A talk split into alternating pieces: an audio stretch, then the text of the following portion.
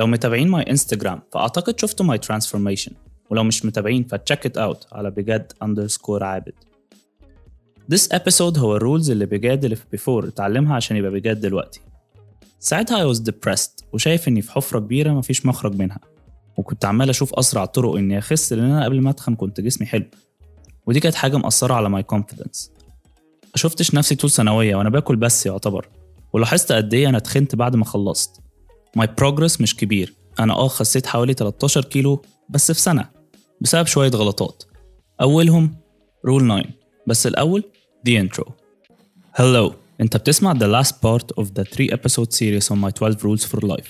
لو ما سمعتش ال parts اللي فاتت اسمعها دلوقتي وتعالى انهيها بآخر part طلع ورقة وقلم و enjoy rule number 9 عدم الصبر هيقتل النتائج أكتر من إن أنت تبقى ماشي في الطريق الغلط. أنا كنت مستعجل أوصل للي أنا عايزه إني أخس. وده خلاني حتى لو عملت progress حلو زي اللي في الصور بس ده مش حلو مقارنة بالوقت اللي قعدته. ضيعت شهور بلف حوالين نفسي وشهر كامل بطلت أروح الجيم وقعدت مش أقل من خمس شهور بروح الجيم كأنه واجب عليا وأنا مش عايز أساسا. عشان كنت مستعجل.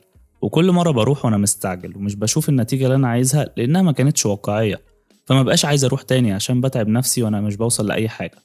استعجالي إني أوصل. خلاني أروح واجي في أكتر من طريق وأنا مش باصص أساسا الطرق دي عاملة إزاي ولا رايحة بيا على فين. فما وصلتش للحاجة وبرجع أبدأ من تاني. عمال أدور على أحسن طريقة أخس وأحسن طريقة أتمرن ولما ما تمشيش أغيرها. مع إني لو كنت كملت كان ممكن تمشي وحتى لو مش أحسن طريقة فعلا فكنت هشوف results أكبر لو أنا كنت كملت فيها لأن الاستعجال بيدمر results أكتر من الطريق الغلط. rule number 10 محدش هيجي. محدش هيجي يوديك الجيم ومحدش هيجي يقولك ما تاكلش ده أو كل ده أو اعمل كده. محدش هيجي ي build your habits أو يعلمك ويثقفك أو يحببك في نفسك. أنت المسؤول عن حياتك. أنت الشخصية الرئيسية اللي في القصة بتاعتك. ولو ما تعملتش على أساس كده فقصتك هتبقى قصة شخص زيادة في قصة واحد تاني أساسي. علم نفسك وحب نفسك وطور من نفسك لأن محدش هيعمل كده عشانك. لأن اللي هيلاقيك مش بتعمل كده هيستخدمك إن هو يعمل كده لنفسه ويكمل بيك هو قصته. ف write your own story. rule 11 انت نتيجة اللي بتأكله لنفسك. أيا كان أكل أو أفكار و content هتاخد بالك من بتدخل إيه لجسمك هتشوف results على حسب كده. بين كل الحاجات اللي هتشتغل عليها في حياتك. نفسك أكتر حاجة هتديك على قد ما بتديها. هتاكل أكل كويس هتحس إنك energetic overall health كويسة. الكلام اللي بتقوله لنفسك هيبقى واقع.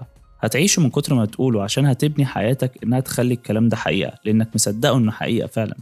فلو أقنعت نفسك إنك فاشل ومش هتنجح في حاجة مش هتلاقي طريقة تنجح لأنك مقتنع خلاص إنك فاشل والعكس صحيح. لو أقنعت نفسك إنك ناجح حتى لو مش فارق عن غيرك كتير دلوقتي فهتنجح فعلا في يوم من الأيام.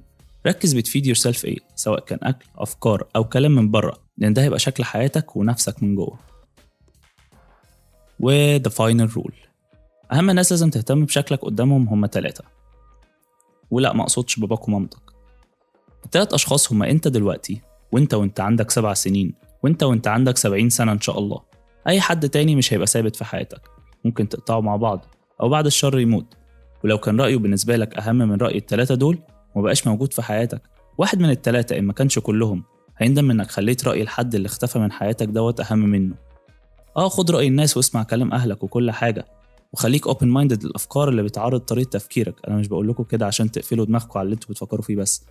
بس في الآخر القرار اللي هتاخده لو هيضايق حد من التلاتة دول عشان يرضي حد تاني فعيد التفكير الأول وشوف مستاهل ولا لأ. و finally this 3 episode series خلصت. دي كانت أول مرة أعمل episodes مترابطة ببعض. فكرة جديدة و executing كان مختلف.